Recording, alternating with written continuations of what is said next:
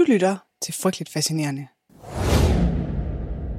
Det er tidlig morgen den 21. oktober 1994, og du er på vej på arbejde. Du sidder i bus 16, indhyllet i morgendisen og omgivet af det pulserende kaos i trafikken. Du kigger ud af vinduet og ser broen foran dig, der strækker sig over den brusende flod. Det er en almindelig dag, og du er på vej på arbejde ligesom alle mulige andre. Folk kigger trætte ud i luften, hører musik på deres diskmand, sidder med næsen begravet i avisen. Trafikken bevæger sig langsomt gennem Seoul. Det er efterhånden altid sådan, at der er bilkøer i myldretiden. Du lader tankerne vandre og tænker på den dag, du har foran dig. Men som bussen nærmer sig broen, sker der noget uforudsigeligt. En høj, brølende lyd af rystende metal fylder luften. Bussen ryster voldsomt, og du kan mærke panikken sprede sig i kroppen. Folk kigger sig nervøst omkring. Du kan mærke, at bussen gradvist hælder til den ene side, og pludselig er alt kaos. Du griber fat i sædet foran dig for at holde dig fast, mens bussen skrider ud.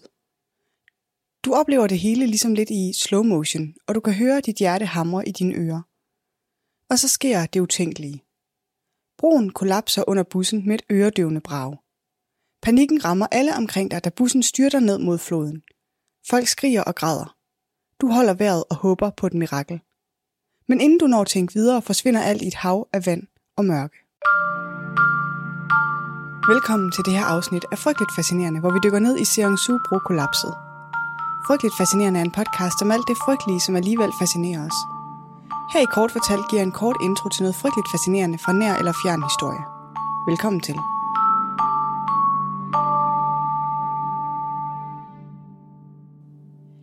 Arbejdet med at bygge Seongsu-broen begyndte i 1977, og broen stod færdig i 1979.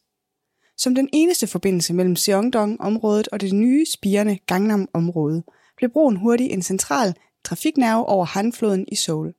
Fra broen bliver færdig, stiger mængden af trafik på den år for år, til det estimeres, at mere end 160.000 køretøjer krydser den hver eneste dag. Og som vi også talte om for et par afsnit siden, så er 70'erne sådan en periode, hvor Sydkorea er i rivende udvikling. Der bygges, der anlægges, der moderniseres og optimeres til den helt store guldmedalje. Og som en del af landets udviklingsstrategi, så forbyder man, at udenlandske byggefirmaer varetager byggeopgaver i Sydkorea. Sydkoreanske jobs til sydkoreanske virksomheder. Så markedet for bygningsarbejde og konstruktion er rødglødende. Og byggefirmaerne har uhyggeligt travlt. Alt for mange opgaver, alt for få firmaer til at varetage dem så der bliver bygget hurtigt. Da Seongsu-broen står færdig, er det den 11. bro hen over Hanfloden, og med sine fire spor i hver retning bliver det en betydelig aflastning af de to nærmeste broer over floden. Godt for infrastrukturen, godt for økonomien. Win-win. I årvis er broen den vigtigste forbindelse mellem Gangnam og det centrale Seoul.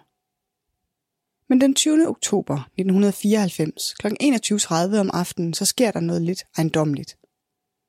En gruppe arbejdere fra Seoul's Metropolitan Government arbejder sent for at montere en lille stålplade på en samling på broen. Samlingen har nemlig slået revner, og stålpladen skal forstærke området. Egentlig så skulle omfattende reparationer af broen have været i gang sat tidligere på dagen, men de er blevet udskudt på grund af dårligt vejr. Fredag den 21. oktober kl. 6 om morgenen indløber der indberetninger fra morgenbilister, der har set revner i broen i dagens morgentrafik. Rapporterne bliver afvist af forvaltningen, som mener, at alle revnerne er blevet udbedret med reparationen aften før. De rapporter skulle de nok ikke have taget så let på.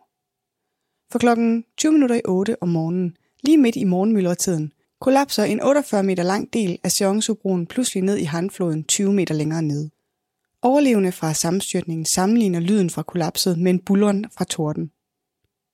I alt styrter seks køretøjer med brostykket ned i floden, både en politivogn og en pendlerbus med 31 passagerer. To biler og politivognen falder ned med broen, mens yderligere to biler falder i floden.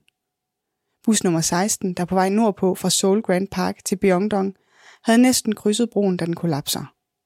Sammenstyrtningen får bussens bagende til at tippe bagover, vende rundt og lande på taget, hvor den bliver mast sammen til halvdelen af sin oprindelige højde. I ulykken dør 32 personer. 29 af dem er passagererne i bus nummer 16, som har 31 personer ombord, da den falder ned.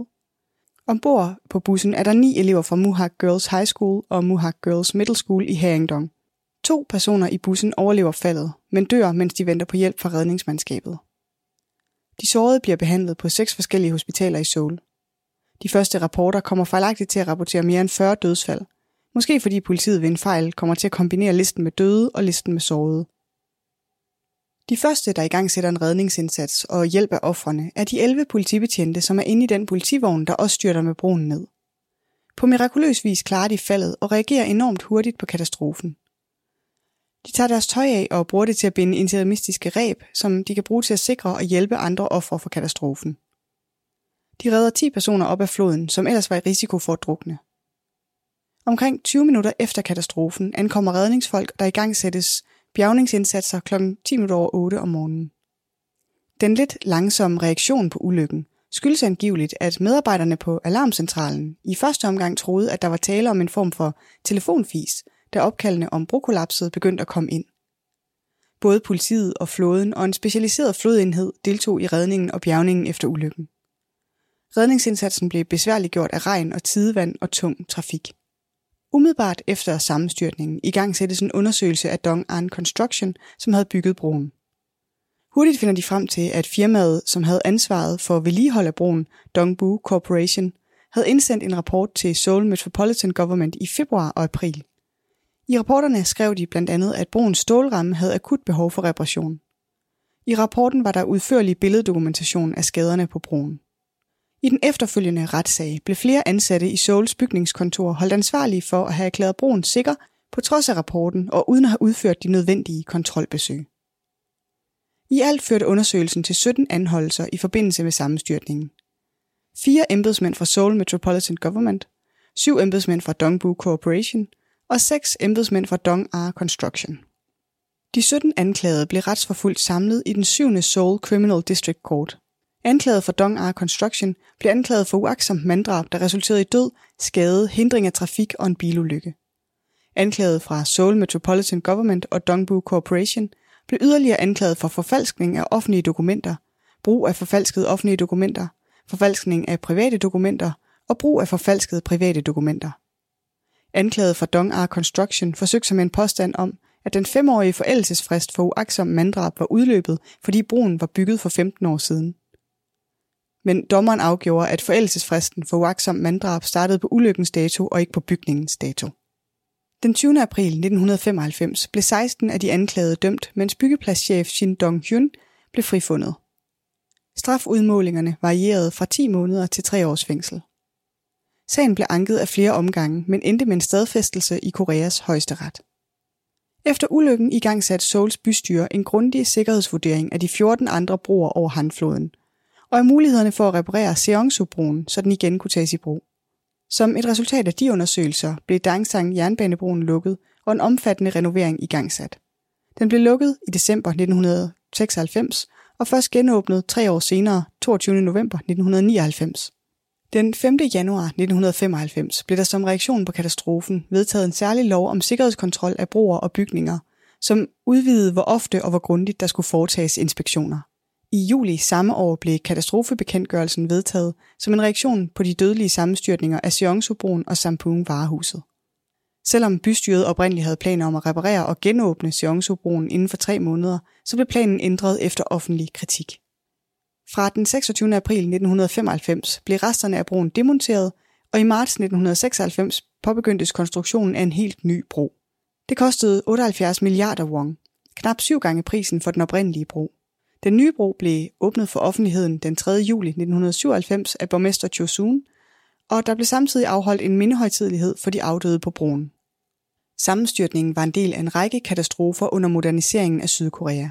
Herunder branden på en sightseeingbåd, forliset af MV Sohae, flystyrtet af Asiana Airlines Flight 733, togulykken ved Gupo-stationen, gaseksplosionen i Daegu i 1995 og sammenstyrtningen af Sampung Stormagasinet. Og hov, Sampoon, det lyder måske bekendt. Så er det fordi, du har hørt det afsnit, jeg har lavet om det for 14 dage siden. Men hvis det ikke lyder bekendt, så er det nok fordi, du ikke har hørt det. Og så kan jeg bare sige, at det handler om et bygningskollaps i et stort varehus. Det kan du jo høre efter det her, hvis du ikke har gjort det endnu. Katastrofen har naturligvis store konsekvenser for de pårørende til offrene, for lokalområdet og for den offentlige tillid til byggerier, moderniseringen og den offentlige strategi om at bygge meget, bygge hurtigt og udelukkende bruge koreanske byggefirmaer. I 1997 blev der opført et mindesmærke for offerne for katastrofen. Familierne til de omkomne samlede ind til opførelsen, og de ønskede at øge bevidstheden om sikkerhed i den offentlige infrastruktur, udover at mindes offerne. Mindesmærket er på nordsiden af broen og er blevet kritiseret for at være svært tilgængeligt til fods. I august 1999 begår en far til en elev fra Muhak Girls High School, som omkom i Seongsobro-katastrofen, selvmord foran mindesmærket. Hvert år afholdes der mindehøjtidligheder, og på 20-årsdagen blev der afviklet en mindegudstjeneste på stedet. Det var lidt om kollapset af Seonsobroen. Kort fortalt er frygteligt fascinerende.